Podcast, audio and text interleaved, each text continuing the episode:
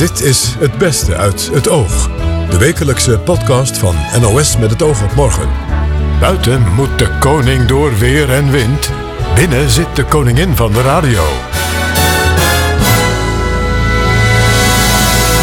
Nou, dat is wel heel, heel lief, maar misschien iets te veel eer. Maar dat het buiten slecht weer is, ja, dat is absoluut het geval. Het is wel een beetje sneu, want het is vandaag Koningsdag. Hoe het ook zij, hier is onze podcast met de mooiste gesprekken van de afgelopen week. We praten onder andere over LHBTIQ'ers. Wat maken zij mee in verzorgingstehuizen? Maar ik heb laatst nog een verhaal gehoord in Amsterdam ook, dat er gewoon gepest wordt. Ja? Ja. In het Markermeer werd een nieuw gebied toegankelijk voor publiek. De Markerwadden. Strand, duinen, veel vogels. Echt nieuw land waar de allereerste planten aan het groeien zijn. eh, en eh, op een plek waar tot nu toe niets was. Zelfkant. Na de oorlog kreeg Nederland dit gebied van de Duitsers.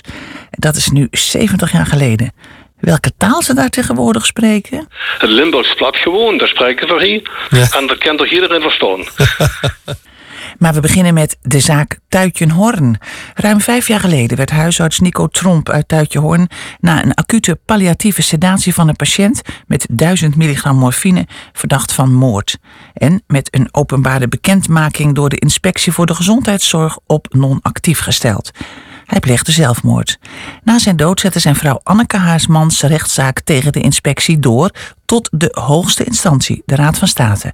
En vanaf die zitting zijn de camera's van documentairemaakster Sarah Vos erbij. De film De Zaak Tuitje Hoorn is op 6 mei te zien op NPO 2. Chris Keijne sprak met Anneke Tromp en vroeg wat het voor haar betekent dat die documentaire er nu is. Dat is wel belangrijk, Ja. dat die er gekomen is. We waren eerst, in eerste instantie ehm, zou Joost Zwagerman een boek schrijven over wat mijn man is overkomen.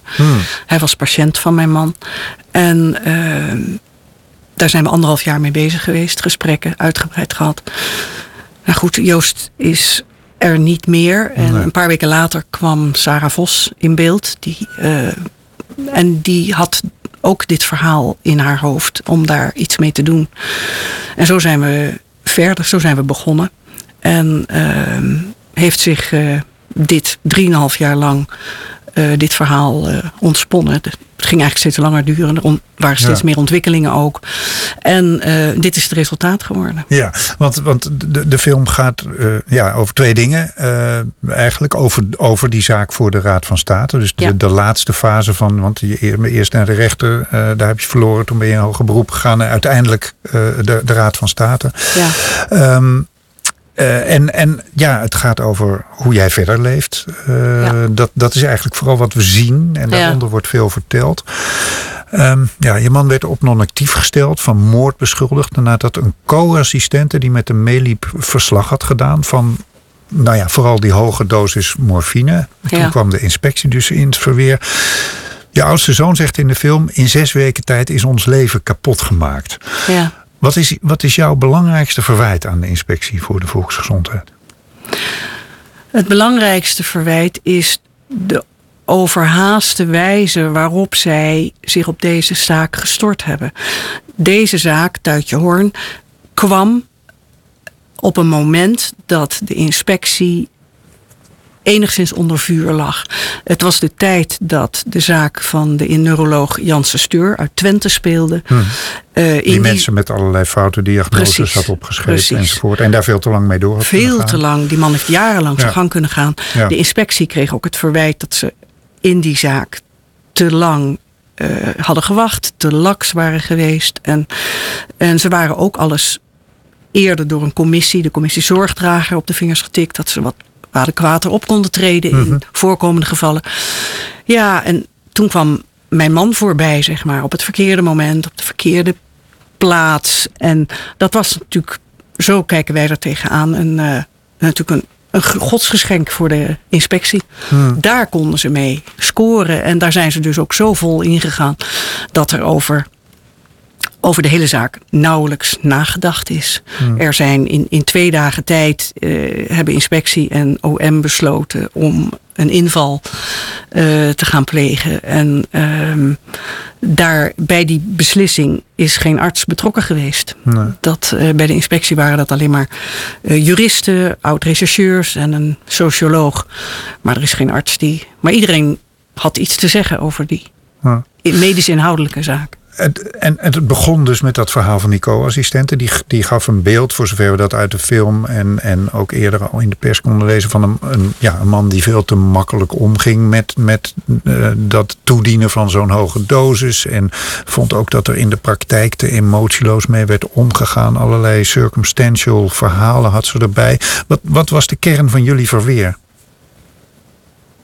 Ons verweer, Ja. of het verweer, het verweer van mijn man. Ja, het verweer van je man. Nou, het weer. Kijk, de co-assistent heeft daar een, inderdaad veel circumstantial eh, zaken bij gehaald. die eh, volkomen los stonden van de inhoud van dit verhaal. Het, de bewuste dag, de bewuste het moment dat mijn man bij deze patiënt was, heeft een aanloop gekend. En die aanloop eh, heeft zij niet juist niet voldoende meegekregen. En als je dat in de juiste context plaatst en genuanceerd daarnaar kijkt, dan is het een heel ander verhaal. Maar goed, daar heeft mijn man de kans niet voor gekregen. Eh, haar verhaal is door, de, door het AMC, waar zij onder begeleiding stond, Ja. doorgezet naar de inspectie en naar het OM. En die zijn met haar verhaal, enkel haar verhaal, aan de haal gegaan. Want je man is niet gehoord Mijn voordat die openbare bekendmaking kwam Nee. dat hij op non-actief Nee, werd gesteld. Nee, nee, mijn man is niet gehoord. Hij is wel verhoord, maar dat is wat anders. Ja. Hij heeft twee zware verhoren gehad, waarin hij niet zijn verhaal kon vertellen, maar waar hij onderworpen werd aan gesloten vragen. Dus een ja- en nee-systeem. En, eh, en bij alles was natuurlijk de, de- kwam het, het, de dooddoener. Ja, maar de co-assistente heeft wel een heel plausibele verklaring afgelegd. Mijn man is zich gaan realiseren dat hij vrij kansloos was in dit geheel. En, eh, en er is ook ja, toch met een zekere tunnelvisie naar één uitkomst Ja. toegewerkt. Mijn man was schuldig, klaar, punt. Met, met dus als dat verschrikkelijke resultaat. Want Ja. die man kwam in een inrichting terecht omdat hij, eh, omdat hij eh, Daar in een depressie raakte. Ja. ja, daar werd hij verhoord. Daar vonden hij die verhoren plaats. nee, nee, Ja. nee. Sterker, hij is niet in die gesloten inrichting verhoord. Nee, hij moest uit die inrichting zelf van Den. Helder naar Alkmaar rijden. Ja, ja, ja. Om verhoord te worden. En uiteindelijk kom- komt hij dan weer thuis en, en, en pleegt zelfmoord. Jij zet die zaak door. ehm, verliest dat in hoger beroep. Gaat door door de Raad van State. Ehm, en uiteindelijk krijg je daar gelijk. Dat moment is heel belangrijk in de film. Laten we heel even luisteren naar het moment dat je dat hoort. Dat de uitspraak van de Raad van State in jullie voordeel uitvalt. Ja. Rijn? Wat is er? Wat? Alles is vernietigd. Oh, alles is vernietigd. Oh, Nou, beslissing. De afdeling bestuursrechtspraak van de Raad van State. 1. Verklaart het hoger beroep gegrond. Jezus. Na 2,5 jaar. Oh, wat... Het Oh. Nou, we gaan... Oh, de champagne, champagne gaat in de kast. Oh. Ja, ik, ik moet je zeggen, toen ik dit zag, was ik ontzettend blij om te zien dat je zo blij kon zijn. Ja, Want het zit in een film waar, ja, waar, waar die, die, die ook zo vol verdriet zit. ja dat klopt. Volkomen begrijp ik. Dat, want je was intens blij op dat moment. Ja, dat kan ook heel dicht bij elkaar liggen. Hm? Blijheid en verdriet. En eh, natuurlijk had, het een, heeft dat, had die blijheid een, een, een zwarte kant. Eh, want toen die eerste ontlading was geweest, ja, dan voel je natuurlijk ook onmiddellijk eh, de bitterheid van die hele rechtsgang. En, ook je- misschien iets van, dit was dus niet nodig. Precies, Ja. precies. Dat is wat je realiseert. Ja, Dit had nooit mogen gebeuren. Sterker nog. deze hele overtrokken actie van de instanties, dat, eh, dat was totaal niet nodig geweest. Nee. En dat is, nou, het is ja, goed dat je daarin bevestigd wordt door het hoogste bestuursorgaan. Maar ja, het is heel wrang. Het Ja. blijft heel wrang, ja. Ja. En, en ja, wat het, het verhaal nog veel verschrikkelijker maakt, is vijf maanden na het overlijden van, van Nico, je man, verlies je je jongste zoon, Floris, aan Ja. koolmonoxidevergiftiging. Je oudste zoon vertrekt voor langere tijd naar Canada, want die heeft afstand nodig. Ehm, als je het allemaal ziet, de film, vraag je op een gegeven moment als kijker wel af: hoe kan je hier nog mee door? Heb, heb jij een antwoord op de vraag hoe jij dat gedaan hebt? En heeft dat vechten waar de film over gaat, heeft dat misschien daarbij geholpen? Ehm, dat, heeft daar, dat heeft daar zeker bij geholpen. Een doel. Het doel was natuurlijk toch een soort ehm, ja, genoegdoening, herstel, eerherstel voor mijn man te bewerkstelligen. Dat is denk ik wel gelukt. Ehm, het is verschrikkelijk moeilijk om weer op te staan na zoiets. En er zijn genoeg momenten en dagen dat ik denk van nou, waar doe ik het voor? Ehm, en gelukkig zijn er ook momenten dat je wel de kracht vindt. Ik heb ehm, eh, twee zomers gewerkt eh, voor de Stichting Bootvluchteling op Lesbos in Kamp Moria en nog wat kleinere kampen. Dat heeft me heel erg veel kracht gegeven om te zien. Mensen zeggen dan van ja, maar het kan toch niet erger? Ja, het kan nog veel erger. Als je de verhalen hoort van vluchtelingen, wat die hebben moeten doorstaan, fysiek, mentaal, dat, is, eh, dat grenst vaak aan het ongelooflijke. Dat heeft mij geholpen. En op een bepaalde manier, ik ben nog steeds met een familie eh, bezig, of die, die steun ik, daar ben ik nauw bij betrokken. En dat geeft mij ook kracht. Ehm, dan heb ik de steun van familie, lieve familie en vrienden om mij heen, dicht om mij heen. Ik, heb, ik sport, ik hockey graag. eh, dat is ook een heerlijke uitlaatklep. Dus er zijn wel eh, fundamenten om mij heen gekomen. En eh, die me, ja, die me toch een, een kracht geven. En, ja, en ik heb me gerealiseerd op de een of andere manier... heb ik hier nog wel wat jaren voor de boeg. Op deze aardbol. En, en d- dat blijkt ook uit de film. Want eh, de reden, een van de redenen dat je blij bent, begrijp ik tenminste uit die film, dat de film er nu is, is, is je hebt er ook een, een doel mee. Je hebt er een missie mee. Je wil, je wil, je wil eh, Ja, steun zijn voor huisartsen in dit soort situaties. Ja, ik denk dat we heel naïef zijn als arts om te denken dat we, dat we, on, dat we niet kwetsbaar zijn. Ik denk juist dat we ontzettend kwetsbaar zijn in dit gebied van terminale zorg.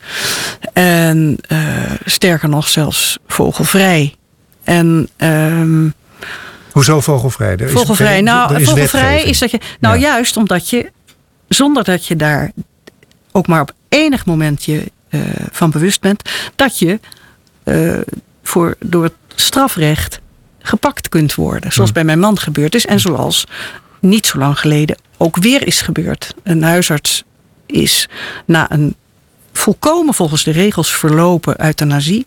Waarbij die twee scanartsen had ingeschakeld. Eh, en die vrouw had alles ook keurig vastgelegd in een verklaring.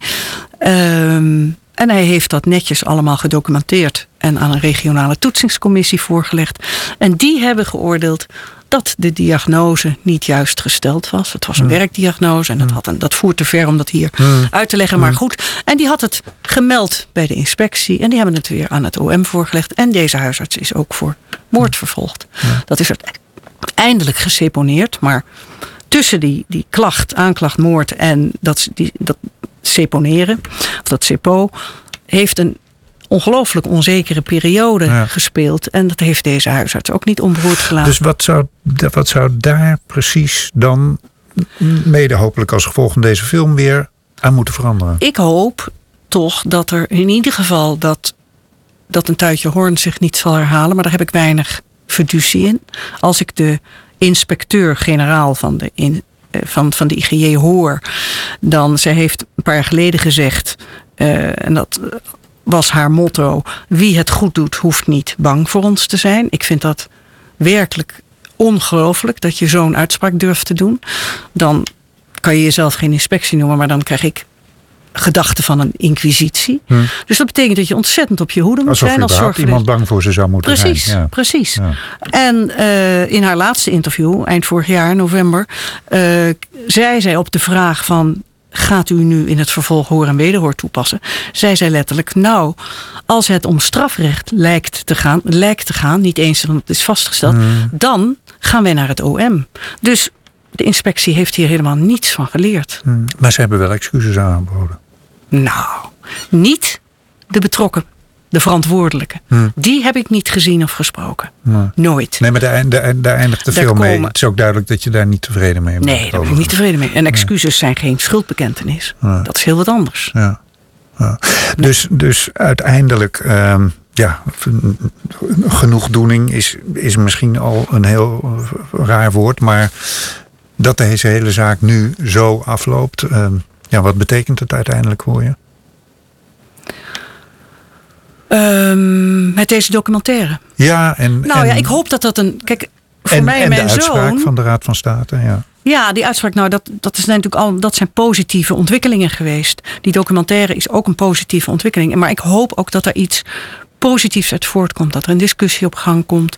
Dat ehm, in ieder geval voor- dat er iets goeds uit voort kan komen. Voor mij, voor mijn zoon, maakt dit allemaal niets meer uit. Wij hebben ons verdriet en daar zullen we mee verder moeten.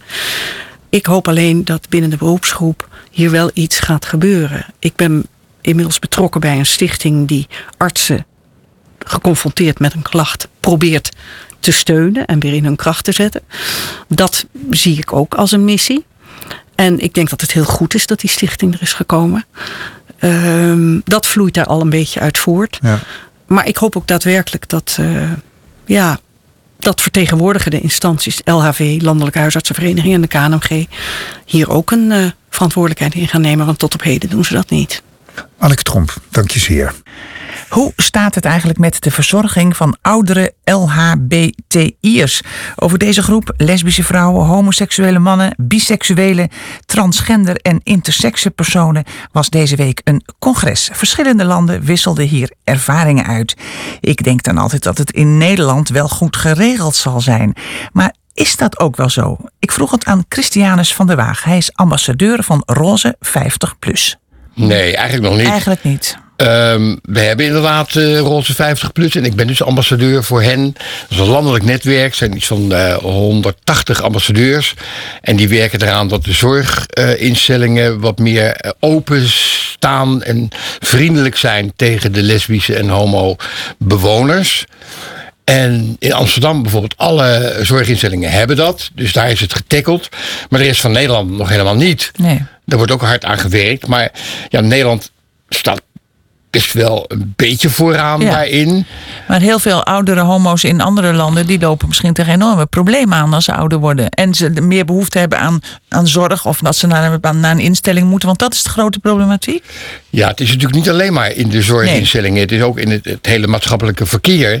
Waar we nu in Nederland bijvoorbeeld bezig zijn om ook bij de welzijnsinstellingen, hè, buurthuizen, dat daar ook eh, ja, de, de homo- en lesbische ouderen zich ook welkom voelen. Ja. Die meiden toch wel vaak die plekken, omdat ze dan denken, ja, word ik daar wel geaccepteerd?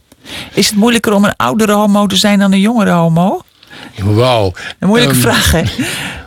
Mm, dat, nee, dat kan ik Nee, niet goed kan je niet antwoorden. ja. Eh, ik denk dat de jongeren het ietsje makkelijker hebben. Omdat het meer geaccepteerd is.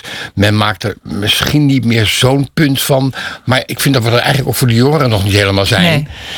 Ehm, maar de ouderen hebben het wel eh, ja, Zwaar. lastiger. Ja. ja. Ik begreep dat sommige oudere homo's gewoon weer terug de kast ingaan. Ja, klopt. Kunt u, nou, hebt u daar een voorbeeld van? Van eh, geval ja, van hoe in dat dan gaat? instellingen waarin dat, dat toch nog een taboe is. Dat zo'n bewoonster die bijvoorbeeld net weduw is geworden. Of bewoner. Ja. die weduwnaar is geworden. Dan denk ik nou ik hou mijn bek er maar over. Dat ik een vriendin of een vriend had. En die zet foto's neer. En dan denkt iedereen dat zijn de kinderen of de kleinkinderen. En dan bouwt zo iemand zelf het imago op van eh, ik ben hetero. Mhm. Eigenlijk uit angst voor afwijzing binnen zo'n. Maar ik heb laatst nog een verhaal gehoord in Amsterdam ook. Dat er gewoon gepest wordt. Ja? Ja. gewoon gepest wordt. Van, van eh, ja, we willen niet bij die mevrouw aan tafel zitten. Ja. Gebeurt. Dat is wel Ja. heel erg. En dat is natuurlijk waarschijnlijk in, eh, buiten de Randstad nog erger dan, dan in, eh, Ja, het zijn vooroordelen, maar het is Ja. wel een beetje zo. waar. Maar goed, daarom is er nog heel veel werk voor ons te doen. Want ik begreep dat u ook een eh, partner heeft in een verzorgingstehuis. Klopt. Was dat nou moeilijk om hem ergens te plaatsen? Nou ja, ik, ben natuurlijk wel al. Ik was toen ook al ambassadeur. Ja, is, ja. En ik wist dat er bij het Sarfati-huis in Amsterdam, daar werd het Rozeneiland opgezet. Dat was een speciale, specifieke afdeling voor GLBT, gay, lesbians, bisexual, Ja. transgenders, eh, met een hersenaandoening. En mijn partner heeft een hersenaandoening gekregen. Die is, eh, nou ja, zeg maar, eh matteklap op zijn Maleis. eh, die is niet meer van onze wereld. Hè. Hij leeft in zijn wanen en hallucinaties vanwege de hersenaandoening. Dus leek dat een prachtige plek voor hem te zijn. En daar kon hij ook terecht. ja, want ook al heb je een hersenaandoening of misschien een andere kwaal, je, blijft, je identiteit blijft natuurlijk wel homoseksueel. Ja, nou, bij mijn partner is dat misschien niet helemaal zo. Maar eh, over het algemeen wel. We hebben net vorige week, eh, twee weken geleden, de Corporate Queer, dat is een jongerenorganisatie, die had gevraagd: eh, mogen wij eens kijken, horen. van hoe is het nou eigenlijk om oud te worden en in een zorginstelling te Oh, zijn. leuk. En die zijn toen naar het Sarfati-huis gekomen met z'n dertigen. Dat was echt hartstikke tof. 30 jongeren, zo van echt tussen de 20 en de 30. En daar hebben alle bewoners van het Roze, Rozeneiland... Ja, ja. hebben daar hun verhaaltje verteld... waarom zij zich ja, toch op hun gemak voelen en zich fijn voelen op die afdeling. En dat zijn dus allemaal mensen met min of meer een hersenaandoening. Want uw partner voelt zich ook thuis daar. Voor zover ik dat kan beoordelen, wel. Want Ja. eh, dat is dus waarschijnlijk ook eh, dat Safati-huis een, een, een tehuis dat de roze loper. Roze loper, roze loper, eh, certif- soort certificaat is dat toch? Ja. Zo van dan weet je zeker dat je daar gewoon als oudere homo, homo of, of, eh, of, of Lesbo. of lesbo of een van de andere categorieën geaccepteerd wordt. Ja. En dat is een certificaat. Is dat een goed idee om, om, om dat in te stellen? Of dat is al ingesteld kennelijk? Ja, ja, het is al ingesteld. Ja. Ik, ik geloof het ja, wel. ja. Om, ik ben er sle- zelf slecht in als ambassadeur. Want dan moet je dus met besturen gaan bellen. En personeel moet eh, getraind worden. Eh, er zit echt heel veel werk aan vast. Wil je personeel ook zover krijgen dat zij het ook bespreekbaar durven maken. Want Ja. ook heel veel personeel denkt eigenlijk... ja, wat heb ik daarmee te maken? Ja, en, en zo'n eh, instelling die voldoet daar pas aan als dat personeel gewoon een positieve houding heeft. Ja. Onder andere. Ja, en dat wordt ook nog maar een paar jaar wordt het weer gecheckt. Ja. Eh, die conferentie, hè, morgen. Ja. Uit welke landen komen die mensen? Uit alle landen van de wereld? Het is een Europese, maar er zitten ook mensen uit Canada, uit Amerika. Maar ik heb vanavond, het is eigenlijk al vandaag gestart. Oh. Met allemaal, eh, eh, zeg maar, hoe zeg je dat? De goede dingen die er in Amsterdam gebeuren, projecten. Die konden ze vandaag bezoeken. Oké. Dus er waren een soort veertien dingen waar ze uit konden kiezen.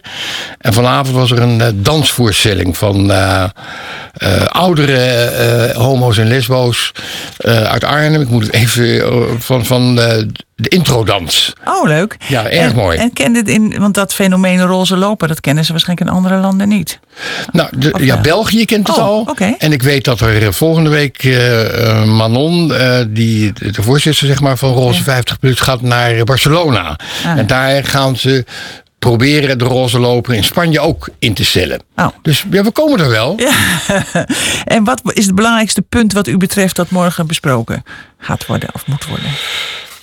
Nou, A, de uitwisseling. Volgens mij is heel belangrijk. Want Ja. binnen de verschillende landen gebeuren toch ook weer bijzondere dingen. Ehm, ik ben bijvoorbeeld benieuwd, daar ga ik zeker naartoe, naar een, een dwarsverbinding die ze maken tussen jongeren en ouderen. Ja. Eh, dus dat de jongeren ook in contact komen met die oude- oudere LGBT-mensen. 200 mensen voelden zich vorige week bevoorrecht toen de eerste boot met publiek bij de Marker Wadden mocht aanleggen.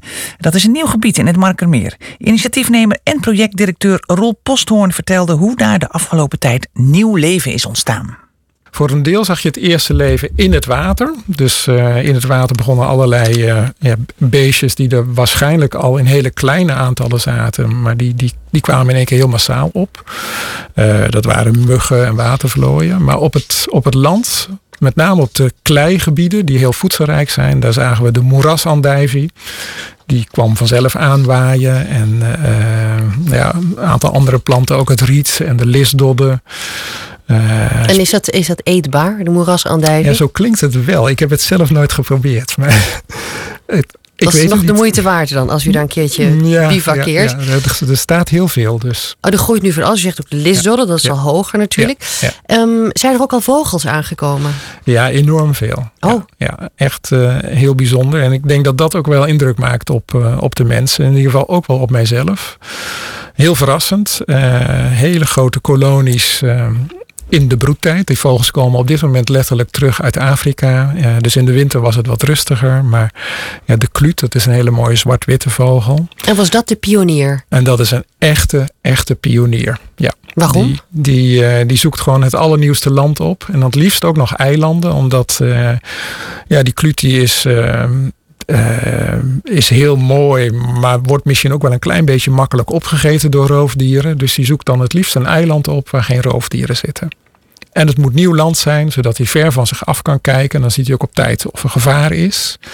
Dus die zie je heel vaak op eilanden, maar eigenlijk nooit in de grote aantallen die we nu op Markerwadden hebben gezien. Maar hij is een passant. Dus als er van alles gaat groeien, dan uh, vliegt hij weer weg. Dan, uh, er zijn met name hele grote aantallen. Ik denk dat dat op een gegeven moment weer voorbij gaat. Maar we hopen wel dat de kluut uh, nog heel lang aanwezig zal zijn op Markerwadden. Want is de kluut bijzonder in Nederland? Ja, ja, ja. Die is wereldwijd is die bijzonder. Oh, dus daar bent u heel... daar ben ik heel trots op. Heel trots op, ja. ja.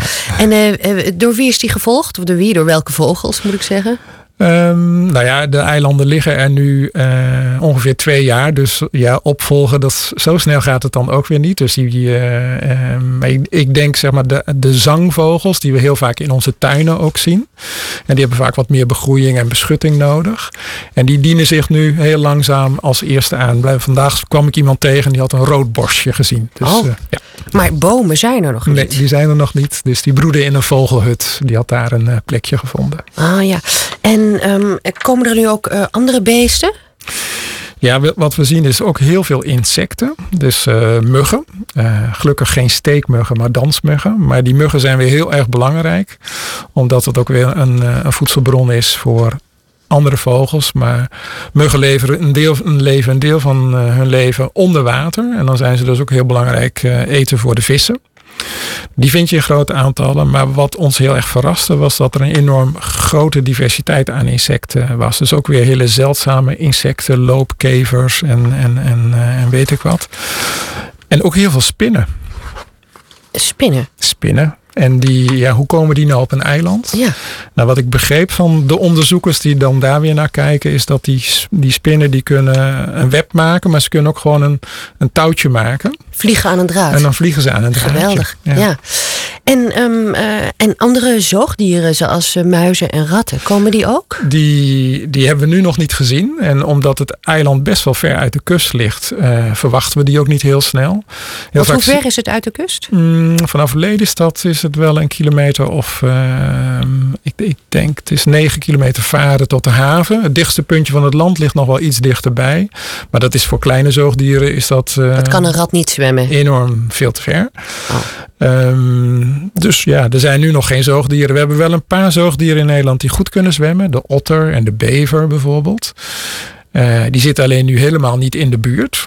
Maar ja, op langere termijn dan zou het kunnen dat die uh, markenwadden weten te vinden. En u gaat ze niet een handje helpen door er een paar koppeltjes uit te zetten? Mm, nee, dat denk ik niet. Het is zo ontzettend leuk om te zien wat er vanzelf gebeurt. Dus uh, nou ja, met gepaste nieuwsgierigheid zijn we het aan het volgen. En is het daar u om te doen, om te kijken wat er gebeurt als je nieuw land opspuit? Is het een, is het een studieobject? Nee, dat is een, een mooie bijkomstigheid. Omdat we ons voorgenomen hebben om er ook heel veel van te leren. In technische zin, want er zit ook heel veel onderzoek wat meer in de techniek. Van hoe bouw je nou zo'n eiland?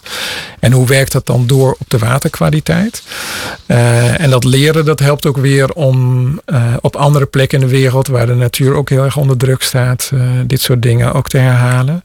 Dus het, het, het is ons vooral te doen om om de waterkwaliteit en de natuurkwaliteit, dus de visstand en de vogelstand van het Markermeer te verbeteren. Was die slecht dan? Die was absoluut heel slecht, ja. En waarom? Ja, dat, dat hangt samen met dat we in Nederland zo ontzettend ingegrepen hebben in onze watergebieden. Uh, we hebben grote polders gemaakt. Uh, we hebben dammen en dijken gebouwd. En dat heeft ons heel veel opgeleverd aan welvaart. Maar dat heeft ook ja, dat, dat water wel heel erg op zijn kop gegeven. Het water is stilgezet. De rivieren en uh, de zee zijn niet meer met elkaar verbonden. Het land en het water niet. En dat, ja, dat, dat werkt enorm door in het waterleven. Dus ja, er zit in het Markermeer bijvoorbeeld heel erg veel slip. Dat is gewoon door de zee ooit afgezet. Maar vroeger kon dat heen en weer bewegen en werd dat op allerlei verschillende plekken afgezet. Maar nu zit dat opgesloten in het Markermeer. En met een beetje wind wordt dat continu rondgeroerd. En daar heeft het leven heel erg onder te lijden. Oh, maar uh, wat u schetst van we hebben uh, dammen, dijken gebouwd, ingegrepen in het landschap. Ik woon zelf ja. in een polder en dan heb je dus ook gewoon uh, een weiland en dan zo'n keiharde mm -hmm. ja. oever. Ja. Waar dus niks meer, geen overgang meer Precies, is. En, en, en, en, en bent u nou moerasjes aan het ja. Ja, dus we maken op een hele grote schaal maken we nu die overgangen van het land naar het water. Uh, en dat, is, ja, dat hoort eigenlijk ook van ouds heel erg bij Nederland. Want we wonen op de grens van land en water, waarin alles vloeiend in elkaar overgaat. En we hebben nu overal harde grenzen gemaakt. En met Markerwadden proberen we dat weer te verzachten. Uh, dus er zijn heel veel plekken die zijn soms land en soms zijn ze water. Een beetje afhankelijk van de waterstand. En juist die plekken die zijn heel erg interessant voor het leven op aarde. 70 jaar geleden kreeg Nederland er wat grondgebied bij. De Duitse gemeente Selfkant. Die ligt vlakbij Sittard. Veertien jaar later gaven we het gebied weer terug aan Duitsland. Over dit bijzondere gebied waar nog steeds veel mensen met Nederlandse roots wonen... had Wilfried de Jong het met Pieter Callier. Hij is oud-hoofddocent politieke cultuur aan de Universiteit Maastricht. Kort na de oorlog kreeg Nederland zelfkant. Waarom was dat? De achtergrond was dat Nederland herstelbetalingen wilde van Duitsland voor de geleden schade. De gedachte was: Duitsland is platzak, kan dat niet betalen. Nederland is ook platzak, dus we moeten het in land hebben. En uiteindelijk zijn het maar twee kleine gebiedjes geworden: Elten uh, in Gelderland en Zelfkant voornamelijk de gemeente Tudorn en wat plaatsjes daaromheen. Ja, hetzelfde een soort gemeente waar meerdere kleinere plaatsjes ja. bij horen. Hè? Ja. ja, en hoe ging die overdracht in, in, in zijn werk? Wel, uh, nu dus uh, 70 jaar uh, geleden werd de grens, de oude grens en de nieuwe grens hermetisch afgesloten, twee weken lang. En na die twee weken ging de Nederlandse kant van de grens open en was het stuk in Nederland geïntegreerd en de Duitse grens bleef grens. Ja, en wat, veranderde dat het leven na 1949? Nou ja, uiteindelijk wel. Uh, aanvankelijk waren de bewoners van de zelfkant uh, ja, terughoudend. Uh, over de nieuwe heerschappij, sommigen fel tegen, anderen wat gematigder. Maar geleidelijk aan bleek dat de bewoners zeer profiteerden van deze uh, 14 jaar, omdat namelijk beide landen, zowel de Nederlandse overheid als de Duitse overheid, hearts and minds van de zelfkanters voor hen wilden winnen. En vooral de Duitse overheid wilde voorkomen dat uh, de, de, de, bewoners langzaam maar zeker Nederlanders werden. -huh. En de Nederlandse overheid wilde eigenlijk toch die bevolking assimileren. Dus het werd heel makkelijk om allerlei kredieten te krijgen voor investeringen. Als je nu door de gemeentes uh, loopt, dan zie je zeer vele huizen die in die 14 jaar gebouwd zijn met de kredieten die van beide overheden kwamen. Ja, en waarom is het in 63 weer Duits geworden eigenlijk? Nou, eigenlijk vanaf het begin al was uh, de Nederlandse overheid had al gedacht dat dit toch maar een tijdelijke zaak zou, zou zijn, omdat eigenlijk het animo voor annexaties was uh, verdwenen. Dus de Duitse overheid heeft steeds op het standpunt gestaan dat het gebied terug moest. En om de relaties met Duitsland, uh, die steeds beter werden, uh, ja, te honoreren, heeft men het gebied dan uh, teruggegeven. ja. In 63. Ja. Burgemeester, meneer Korsten, is het een typische stad geworden daarmee eigenlijk? Als ik er doorheen loop, merk ik dan dat, dat, die, dat, dit, dat, dat het hele gebied heen en weer is geschoven, als het ware, tussen Duitsland en Nederland? Nee, hoe het hier is uh, met de Nederlanders en de Duitsers uh, is eigenlijk geen vraag. Het is normaal leven hier. Er is gewoon geen gevoelens. tegenover Nederlanders of Duitsers hier. de zelfkant heeft onmiddels 32% mensen met Nederlandse pas. Het zijn niet alles maar Nederlanders, omdat het ook mensen zijn die al lang hier, al uh, meerdere generaties hier leven. Is het nou zo dat de taal die, nu, die u nu spreekt, dat is een Nederlands met een, met een klein suikerschepje Duits erbij, is dat ook de ja. voertaal in, in, in dit gebied? Nee, dat is er niet. We hebben samen met uh, Limburgs, uh, Nederlands-Limburgs en Belgisch-Limburgs uh, in dezelfde, een en dezelfde taal. Dat is een dialect. Het Limburgs plat gewoon, daar spreken we hier. Ja. En daar kan toch iedereen verstaan. U kunt het misschien niet, maar... Uh, ja hoor, ik, kan, ik heb, ik heb diverse... Limburgse vrienden, ik versta ze wel. Ja, ja. goed. We hebben diverse contacten uh, met de stad Mazeik in België en met de gemeente Echt Zusteren.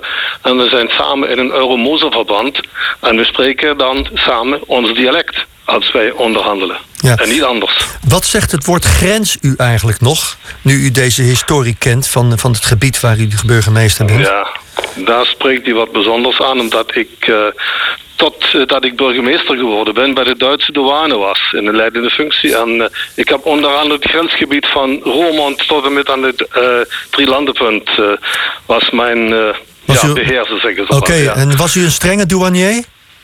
Dat weet ik niet. Dan moet u andere mensen vragen. ik denk van niet. Nee. nee, ik denk van niet. Maar de grens zegt mij helemaal niets meer. Nooit. Nee? Nee, nee helemaal niet. Ik heb diverse negatieve ervaringen gemaakt met mijn moeder samen nog op de fiets naar Gangel toe. Dus de grens over, de grens van de zelfkant naar Duitsland over. Ja. Ze moest dan ook, uh, ja, wordt dan körperlich onderzocht. Dus ze moest uh, zich uitkleden en wordt nagekeken of ze niets gesmokkeld had. Dus als kleine jong blijft dat een beetje hangen. Maar toch ben ik bij de douane. Over, over welk jaar heeft u het nu? Dat was in 1956, 55, 56. Poeh, nog zo'n strenge controle dat, dat uw moeder uit, zich uit moest laten kleden? Ja, ja. ja. Om te kijken of er ergens een pakje koffie was. Ja. En dat was niet het geval, neem ik aan. Nee, dat was niet het geval. Nee. Meneer Callier, uh, ik heb dat gebied natuurlijk even op, op de kaart uh, be bekeken net. En het viel mij op dat. Ja, er is eigenlijk een soort U-bochtje gemaakt hè, rond dat zelfkant. Je zou eigenlijk kunnen zeggen van, uh, dat er best wel wat voor te zeggen is om die, om die kronkelende grenzen eens recht te trekken in Nederland. Nou ja, als je het zo bekijkt, is het woord grenscorrectie inderdaad op zijn plaats. Maar uh, uh, de, de, de, de, achterliggende gedachte van de Nederlandse overheid was inderdaad. Uh, waarom juist dat stukje? Uh, omdat er een grote bocht in die Nederlandse grens lag. En men heel graag een weg wilde aanleggen van de oostelijke mijnstreek. wat op dat moment een bloeiende streek was. naar midden Limburg. Die weg is ook aangelegd in de jaren 50 en die ligt er nog steeds. En het boeiende is nu dat na 1963 die weg nog steeds Nederlands is gebleven tot ongeveer 2002. En waarom? Omdat er opeens anders grenzen zouden komen. Dat was buitengewoon onhandig in een uh, snelweg. Ja. Dus die weg Heb je twee grenzen in korte tijd natuurlijk. Twee grenzen in korte tijd. En in de tijd voor Schengen. Hè, want uh, tegenwoordig leven we in de, de Schengen-tijd. En inderdaad, grenzen uh, betekent niets meer. Maar we moeten ons dus goed realiseren dat het ooit heel anders is geweest. En dat grenzen buitengewoon onhandig en belemmerend waren. En dat betekende dat, ondanks het feit dat zelfkant teruggegeven was aan Duitsland, de weg Nederlands bleef door Nederlanders onderhouden werd, door de Nederlandse politie gecontroleerd werd, ja. er geen afritten naar de Duitse dorpjes waren. Ja. Uh, burgemeester, uh, ja, u bent burgemeester van Zelfkant. Kun, kunt u mij iets, een plek noemen waar ik nou heen moet als ik komend weekend wil komen? Waar moet ik heen naar Zelfkant om het typische Zelfkantse mee te maken? Ik denk uh, eigenlijk het plaatsje Millen. Dat is een heel historisch plaatsje hier in de zelfkant met een kerk die meer dan duizend jaar oud is. Uh, een oude propstij, een zeenschuine en een burg van Mille met een molen. En die burg ligt op Nederlands grondgebied. Dat is eigenlijk typisch uh, nog een zelfkant, ja. Nou, allemaal op naar zelfkant. U hoorde behalve Pieter Callier dus ook burgemeester Kosten in gesprek met Wilfried de Jong. Dat was het voor deze week. Dank u wel voor het luisteren. Volgende week dan is er weer een podcast. Dag. Gute Nacht, Freunde. Es wird Zeit für mich zu gehen. Was ich noch zu sagen hätte, dauert eine Zigarette ein letztes Glas im Stehen.